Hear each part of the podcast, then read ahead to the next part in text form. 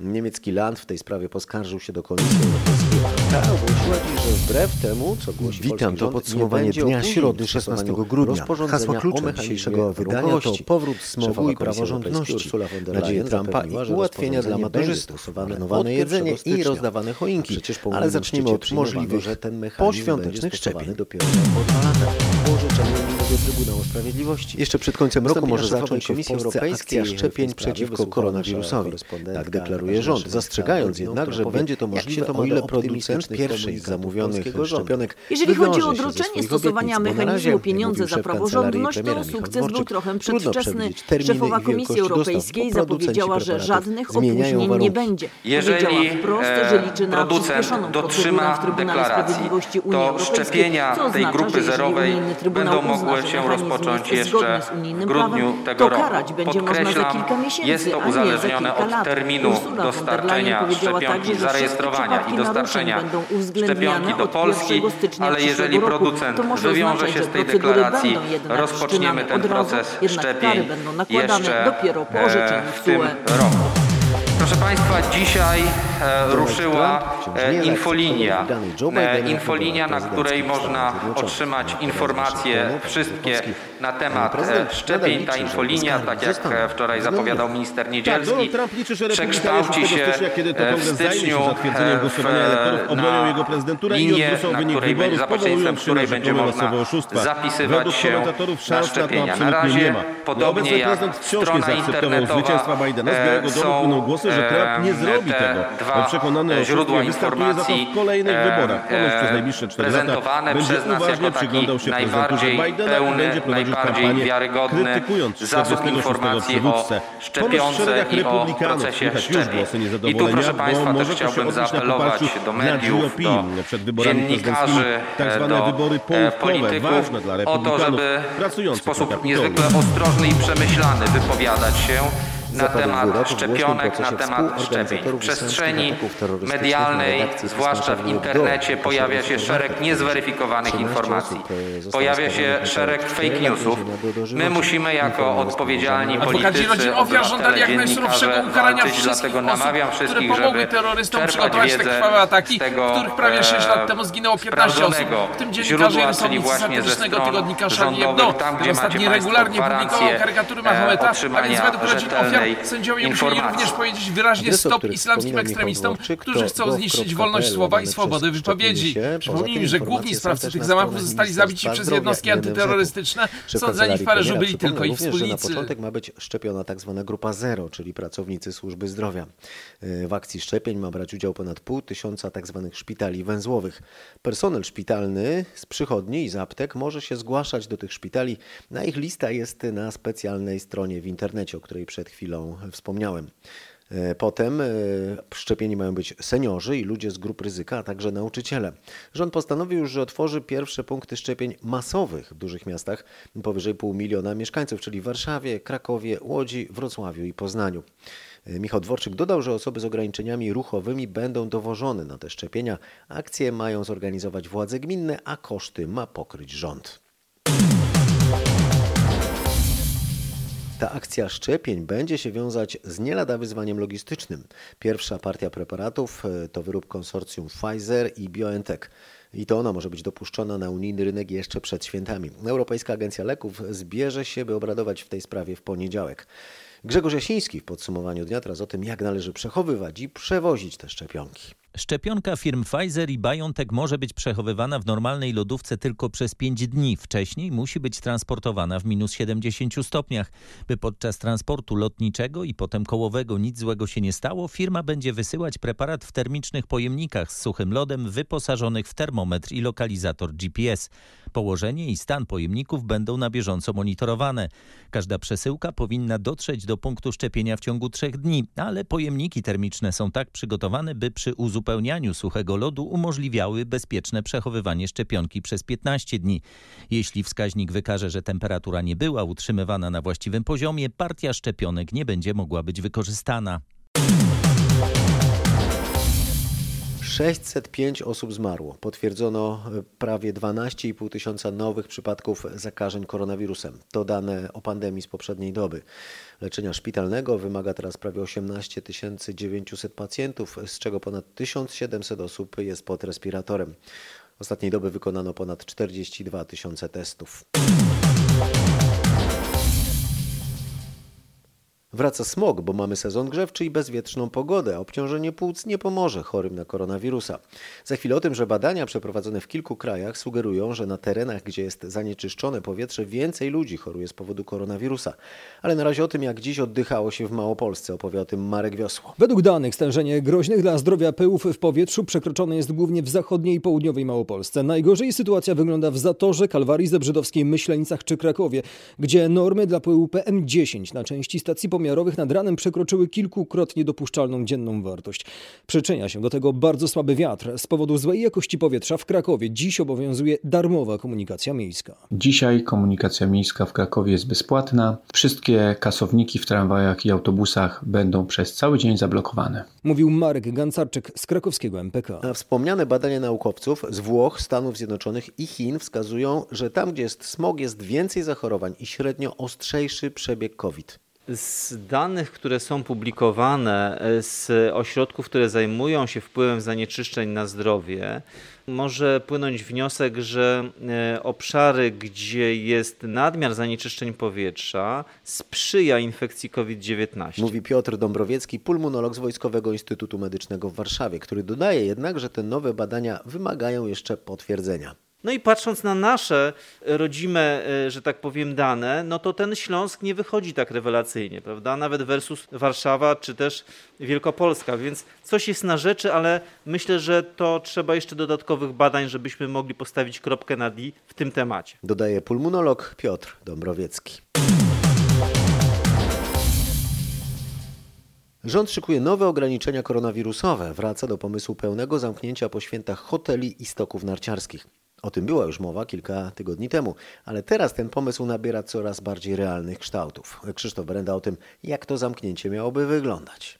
Jeżeli chodzi o hotele, to zakazane miałyby zostać podróże służbowe. Wynika to z tego, że obecne przepisy zabraniają przyjmowania w hotelach turystów. Można przyjmować jedynie gości, którzy pojechali gdzieś z powodów zawodowych. E, Ta furtka jest jednak nadużywana. Wiele hoteli oferuje miły wypoczynek dla narciarzy, dla całych rodzin. Trzeba tylko podpisać fikcyjne oświadczenie, że jakby ktoś pytał, to w hotelu jest służbowo. Rząd mówi dość. Ma to zostać zakazane. Tak samo jak słyszymy, minister zdrowia ma zarekomendować zamknięcie stoków narciarskich, bo one są powodem tego, że ludzie jeżdżą w góry właśnie do hoteli. Właściciele pensjonatów i wyciągów narciarskich Zakopanego z niedowierzaniem przyjmują zapowiedź zamknięcia stoków od 28 grudnia i dalszego zakazu wynajmowania.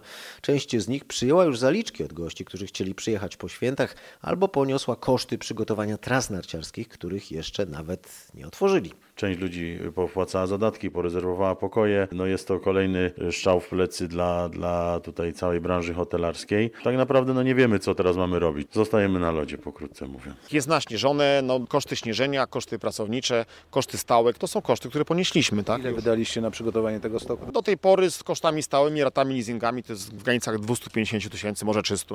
Super, tylko proszę przedstawić jakieś rozwią- rozwiązania rekompensujące nam tą decyzję. A jeżeli takich działań nie ma, to proszę takich głupot nie ogłaszać.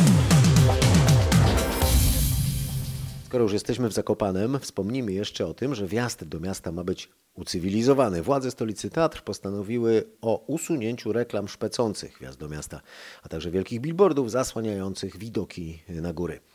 Pozostać mają tylko szyldy o określonej wielkości, które mogą znajdować się w miejscach, gdzie prowadzona jest działalność, którą reklamują. Tak zakłada uchwała krajobrazowa, która trafiła do konsultacji społecznych. Te mogą być jednak trudne ze względu na czas. Chcemy walczyć właśnie z tymi reklamami, które reklamują przedsiębiorców, tudzież firmy, które nie znajdują się na terenie miasta Zakopanego. Natomiast stwarzamy szerszy wachlarz i więcej możliwości do reklamowania się i promocji dla przedsiębiorców tutaj naszych rodzimych zakopiańskich. Trochę ładu i porządku, ale za tym wszystkim także będą się kryły, niestety, opłaty i nie wiem, czy w tym momencie przedsiębiorcy będą w stanie przyjąć na własne barki kolejne obciążenia finansowe. Mówiły Marta Gratkowska z Zakopiańskiego Urzędu Miasta i Agata Wojtowicz, prezes Tatrzańskiej Izby Gospodarczej. A teraz spod Tatr ruszamy nad morze do Świnoujścia. Budowany jest tam duży terminal kontenerowy, ale według sąsiadów z zachodu, władz Mecklenburgii i Pomorza Przedniego, inwestycja prowadzona jest z naruszeniem unijnych przepisów o ochronie środowiska, informuje nasza reporterka Aneta Łuczkowska. Niemcy boją się skażenia środowiska. Według planów terminal ze Świnoujścia mógłby obsługiwać nawet jedną czwartą tego, co port w Hamburgu, jeden z największych w Europie. To też drogi dojazdowe i linia kolejowa, wszystko na obszarze Natura 2000. Dlatego Niemcy chcą, by tereny po ich stronie granicy zostały ujęte w ocenie oddziaływania inwestycji na środowisko. Szykują też petycję do Komisji Europejskiej, a 15 burmistrzów z niemieckiej części wyspy Uznam wysłało list do ministra do spraw energii z prośbą o interwencję na szczeblu rządowym. Inwestycji w terminal kontenerowy nie chcą też władze samego Świnoujścia, które boją się utraty statusu uzdrowiska i odpływu turystów. Niemiecki Land w tej sprawie poskarżył się do Komisji Europejskiej, a ta ogłosiła dziś, że wbrew temu, co głosi polski rząd, nie będzie opóźnień w stosowaniu rozporządzenia o mechanizmie warunkowości. Szefowa Komisji Europejskiej Ursula von der Leyen zapewniła, że rozporządzenie będzie stosowane od 1 stycznia. A przecież po unijnym szczycie przyjmowano, że ten mechanizm będzie stosowany dopiero za około dwa lata, po orzeczeniu Unijnego Trybunału Sprawiedliwości. Wystąpienia szefowej Komisji Europejskiej w tej sprawie wysłuchała nasza korespondentka Katarzyna Szymańska-Borginą, która powie, jak się to ma do optymistycznych komunikatów polskiego rządu. Jeżeli chodzi o odroczenie stosowania mechanizmu pieniądze za praworządność, to sukces był trochę przedwczesny. Szefowa Komisji Europejskiej zapowiedziała, że żadnych opóźnień nie będzie. Powiedziała wprost, że liczy na przyspieszoną procedurę w Trybunale Sprawiedliwości Unii Europejskiej, co oznacza, że jeżeli unijny Trybunał uzna, że mechanizm jest zgodny z unijnym prawem, to karać będzie można za kilka miesięcy, a nie za kilka lat. Ursula von der Leyen powiedziała także, że wszystkie przypadki naruszeń będą uwzględniane od 1 stycznia przyszłego roku. To może oznaczać, że procedury będą jednak wszczynane od razu, jednak kary będą nakładane dopiero po orzeczeniu CUE. Donald Trump wciąż nie zaakceptował wygranej Joe Bidena w wyborach prezydenckich w Stanach Zjednoczonych. Jak podaje z Waszyngtonu Paweł Żuchowski, prezydent nadal liczy, że jego skargi zostaną uwzględnione. Tak, Donald Trump liczy, że republikanie 6 stycznia, kiedy to kongres zajmie się zatwierdzeniem głosowania elektorów, obronią jego prezydenturę i odwrócą wynik wyborów, powołując się na rzekome masowe oszustwa. Według komentatorów szans na to absolutnie nie ma. Obecny prezydent wciąż nie zaakceptował zwycięstwa Bidena. Z Białego Domu płyną głosy, że Trump nie zrobi tego. Przekonany o oszustwie wystartuje za to w kolejnych wyborach. Ponoć przez najbliższe 4 lata będzie uważnie przyglądał się prezydenturze Bidena i będzie prowadził kampanię krytykując 46 przywódcę. Ponoć w szeregach republikanów słychać już głosy niezadowolenia, bo może to się odbić na poparciu dla GOP przed wyborami prezydenckimi, tak zwane wybory połówkowe, ważne dla republikanów pracujących na Kapitolu. Zapadł wyrok w głośnym procesie współorganizatorów islamskich ataków terrorystycznych na redakcję pisma Charlie Hebdo i koszerny supermarket w Paryżu. 13 osób e, zostało skazanych na karę od 4 lat więzienia do dożywocia, informuje z Paryża Marek Gładysz. Adwokaci rodzin ofiar żądali jak najsurowszego ukarania wszystkich osób, które pomogły terrorystom przygotować te krwawe ataki, w których prawie 6 lat temu zginęło 15 osób, w tym dziennikarze i rysownicy satyrycznego tygodnika Charlie Hebdo. Ten ostatni regularnie publikował karykatury Mahometa, a więc według rodzin ofiar sędziowie musieli również powiedzieć wyraźnie stop islamskim ekstremistom, którzy chcą zniszczyć wolność słowa i swobodę wypowiedzi. Przypomnijmy, że główni sprawcy tych zamachów zostali zabici przez jednostki antyterrorystyczne, sądzeni w Paryżu byli tylko ich wspólnicy.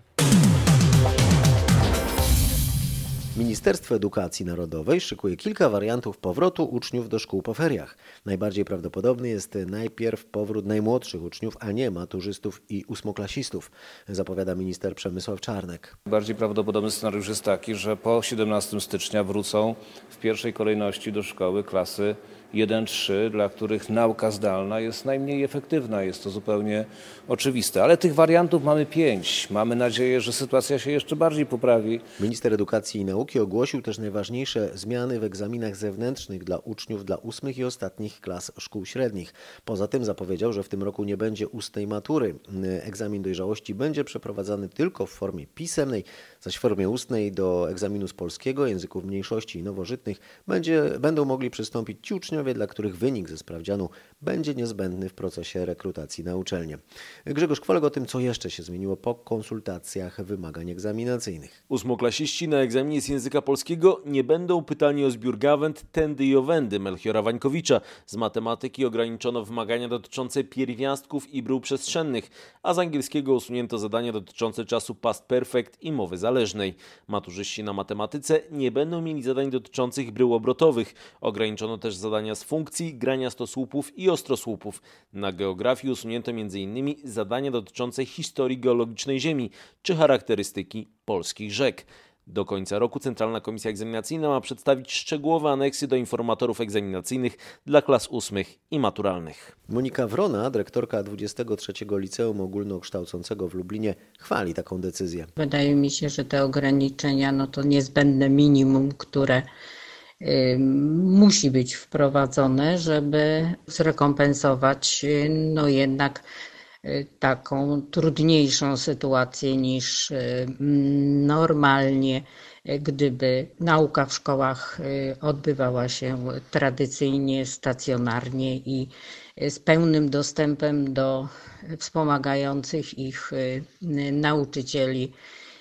Także wydaje mi się, że jak najbardziej mm, bardzo dobra decyzja. Tu mogę jako matematyk wypowiedzieć się tak szczegółowo, jeżeli chodzi o matematykę, że też y, dobra decyzja, że mm, trochę mniej zadań będzie z zakresu mm, geometrii przestrzennej. Y, Młodzież była z tego zakresu już sprawdzana w testach gimnazjalnych, więc można, można tu w przypadku matur z tego w pewnym stopniu zrezygnować. Po matematyce czas na historię. Dziś 39. rocznica pacyfikacji kopalni Wujek w Katowicach. 16 grudnia 1981 roku od milicyjnych kul zginęło tam dziewięciu strajkujących górników, a 23 zostało rannych. Z powodu pandemii obchody rocznicy były skromne. Nie było m.in. tradycyjnego dużego młodzieżowego biegu e, dziewięciu z Wujka. Przed krzyżem pomnikiem pojawili się jednak symbolicznie młodzi ludzie. Jest nas 9 osób, wszystko jest y, ograniczone oczywiście normami, bo wiadomo jaka panuje aktualnie sytuacja. Wcześniej biegi były organizowane po set osób i było tych osób naprawdę bardzo dużo, także ten bieg jest naprawdę symboliczny, ale należy pamiętać. I macie na sobie symboliczne koszulki. Tak, mamy na sobie koszulki z postaciami górników, którzy niestety polegli śmiertelnie w, tutaj w kopalni, także to jest też pewnego rodzaju symbol. Z Kacprem, uczniem czwartego liceum w Gliwicach, rozmawiała Anna Kropaczek. Kwiaty pod pomnikiem poległych górników e, złożyli m.in. premier Mateusz Morawiecki, a także przedstawiciele władz Katowic i województwa śląskiego. A ten krwawy atak komunistycznej milicji na kopalnię nie był jedyną tego rodzaju akcją. 16 grudnia 1981 roku pracownicy wrocławskiego Polaru brali udział we mszy w zakładzie, który produkował sprzęt AGD i w trakcie modlitwy usłyszeli jadące w ich stronę czołgi. Momencie, kiedy dochodziło już do rozdawania komunii, zobaczyliśmy, że wchodzą między nas już oddziały ZOMO i wojska. Między taśmy produkcyjne, w przybicach, z pałami w ręku. No i ten strach jakby tak wzmacniał tą modlitwę. Na lufy czołgu wychodziliśmy, później się okazało, że 37 czołgów otoczyło nasz zakład, armatki wodne, lano nas e, z tych armatek wodnych na tym mrozie, żeby rozgonić ludzi. Wystarczyłoby, żeby któryś z robotników jakąś śrubą rzucił w zomowca, to byłaby masakra. Opowiadała Małgorzata Calińska-Majer, która należała wówczas do zakładowej Solidarności. Wrocławski z pochodzenia polityk Grzegorz Schetyna teraz w podsumowaniu dnia. Platforma Obywatelska, której do niedawna był szefem, utrzymuje status jedynej realnej siły opozycyjnej. Jeden z najnowszych sondaży daje nawet Platformie podobne poparcie co Prawu i Sprawiedliwości. Grzegorz Schetyna w porannej rozmowie RMFFM z Robertem Mazurkiem rozważał, czy strategia końca tzw. Tak totalnej opozycji przyniesie ugrupowaniu sukces. Totalna opozycja, która jest, była klimatem i była programem opozycji przez te ostatnie lata, w ostatniej kadencji i przyniosła zwycięstwo do Senatu właśnie przez współpracę i taką twardą opozycyjność, to dzisiaj trzeba powiedzieć, jeżeli jest takie zdanie, nie totalna opozycja, to co wtedy? Właśnie to, to jest pytanie, które chciałem panu zadać, ale ja się bardzo cieszę, że pan sobie sam zadaje pytania, bo ja wtedy mogę odpocząć. To proszę, niech pan na to pytanie odpowie, bo jeśli nie totalna opozycja, to co? Może, tu podpowiem, e, ruch Rafała Trzaskowskiego. Może on byłby taką szalupą, takim pomysłem, projektem, jak lubicie mówić. Na pewno tak było w kampanii wyborczej. Te ponad 10 milionów głosów w drugiej turze pokazywało, jaka wielka jest przestrzeń polityczna dla Rafała Trzaskowskiego i projektu, o którym mówił. Ale tego projektu dzisiaj nie ma. On nie funkcjonuje tak, jak funkcjonował w kampanii wyborczej. Nie przekształcił się e, w konstrukcję polityczną, która jest obecna na politycznej scenie. To Przecież prawda, ja mam widzi- wrażenie, że ten ruch trochę zamarzł. Tak a propos, pamięta pan jeszcze jego nazwę? E, Tak, Wspólna Polska. Brawo! Małgorzata Kidawa-Błońska wczoraj nie pamiętała, ale tak czy owak ruch Wspólna Polska sprawia wrażenie, jakby nie maszerował, tylko trochę tak Ale też przymarzał. proszę, proszę pamiętać, że wszystkie polityczne aktywności dzisiaj przez pandemię, przez ograniczony system czy możliwości spotkań, budowy takiej ofensywnej obecności na ulicach, z, w rozmowach z mieszkańcami, pokazywaniem prezentacji, budowania programu, tego przecież dzisiaj nie Cała ma. rozmowa Roberta Mazurka z Grzegorzem Schetyną jest na rmf24.pl. Znajdziecie tam również popołudniową rozmowę w RMF FM. Dziś gościem był prezes Federacji Banków Żywności Marek Borowski. Mówił Pawłowi Balinowskiemu o tym e, między innymi, że Polacy marnują rocznie 3 miliony ton No żywności. niestety badania e, w stosunku co do konsumentów nie są pozytywne. E, 15 lat temu badania były realizowane przez Eurostat. E, Te e, badania sprzed 15 lat pokazywały, że konsumenci w Polsce marnują 2 miliony ton żywności. Badania, które teraz zrealizowaliśmy wspólnie z, e, z SGGW, Instytutem Ochrony Środowiska, KOWRem, pokazują, że konsumenci marnują 3 miliony ton. Natomiast mniej żywności marnuje się w całym procesie produkcji i tutaj mamy znaczne ograniczenie, bo wcześniej mieliśmy liczbę globalnych, globalnego marnowania żywności na poziomie 9 milionów ton, teraz mamy ją na poziomie 5 milionów, czyli w procesie całym produkcji e, zdecydowanie ograniczyło się marnowanie jedzenia. Kilkadziesiąt banków żywności amerykańskich zostało zasilonych milionami dolarów przez Mackenzie Scott, byłą żonę numeru jeden z międzynarodowych list najbogatszych ludzi, Jeffa Bezosa. Pani Scott ogłosiła, że ostatnio przekazała na cele charytatywne ponad 4 miliardy dolarów. Od lata pisarka rozdała już w sumie 6 miliardów. Tłumaczy, że chce pomagać zwykłym ludziom w czasie pandemii, bo czuje, że to nie w porządku, iż w czasie kryzysu bogacze bardzo szybko się bogacą, a cała reszta cierpi. Sama Mackenzie po rozwodzie w zeszłym roku przejęła akcje firmy Mason warte 35 miliardów dolarów. W tym roku ich wartość urosła już o 25 miliardów. RMF FM rozdaje choinki pod choinkę. Kolejnym medykom drzewka rozdaliśmy tym razem przed szpitalem w Ostrudzie. To największy szpital covidowy w województwie warmińsko-mazurskim. Z prezesem szpitala Jackiem Dudzinem rozmawiał nasz reporter Piotr Bułakowski. No ogromne dla nas zaskoczenie, bardzo miłe zaskoczenie. Jest nam niezmiernie miło, że stacja RMF FM zaproponowała nam tutaj taki miły gest e, świąteczny, jak widać cieszący się dużym zainteresowaniem ze strony personelu medycznego. Personel medyczny e, w takim szpitalu ma dużo pracy. No tak, rzeczywiście można powiedzieć, e, że w chwili obecnej no, prawie wypełniony jest nasz szpital pacjentami zarażonymi koronawirusem. Na 138 miejsc, które są przeznaczone właśnie mm, dla, dla takich pacjentów. W dniu dzisiejszym mamy 126 miejsc zajętych. Na niektórych oddziałach postawimy y, te, te Państwa choinki, udekorujemy tak, że- żeby wprowadzić ten nastrój świąteczny, no bo wiadomo, no, w okresie tym świątecznym na pewno sporo pacjentów będzie w naszym e, szpitalu. Nie, nie, nie, nie przypuszczam, aby było jakieś wypłaszczenie. Na koniec jeszcze prognoza pogody, dodatnia temperatura i wiatr. Tak zapowiada się tegoroczne Boże Narodzenie. Nasz reporter Michał Dobrowicz rozmawiał z synoptykami i powie, czy według nich są jakiekolwiek szanse na białe święta. Tak, niewielkie szanse są, jednak według modeli synoptyków wynoszą tylko kilkanaście procent. Zdecydowanie większe są szanse na deszcz w święta, a największe są nadzieje niektórych mieszkańców Warszawy, że w przyszłym tygodniu śnieg jednak spadnie. Czekamy na te białe święta. Jak ten Mikołaj do nas saniami przyjedzie, prawda? Wolałybyście, żeby święta były białe? Tak. Wtedy wolno zrobić pełno bałwanów. Wierzymy, prawda? Tak jak Mikołaja. Szanse na prezent od Mikołaja na dziś są dużo większe niż na Białą Wigilię i Boże Narodzenie i wcale nie chodzi o to, czy byliśmy grzeczni. To Michał Dobrowicz, zawsze grzeczny, reporter RMFFM. Ja już grzecznie dziękuję za uwagę, pozdrawiam i zapraszam na jutro w imieniu Tomasza Staniszewskiego.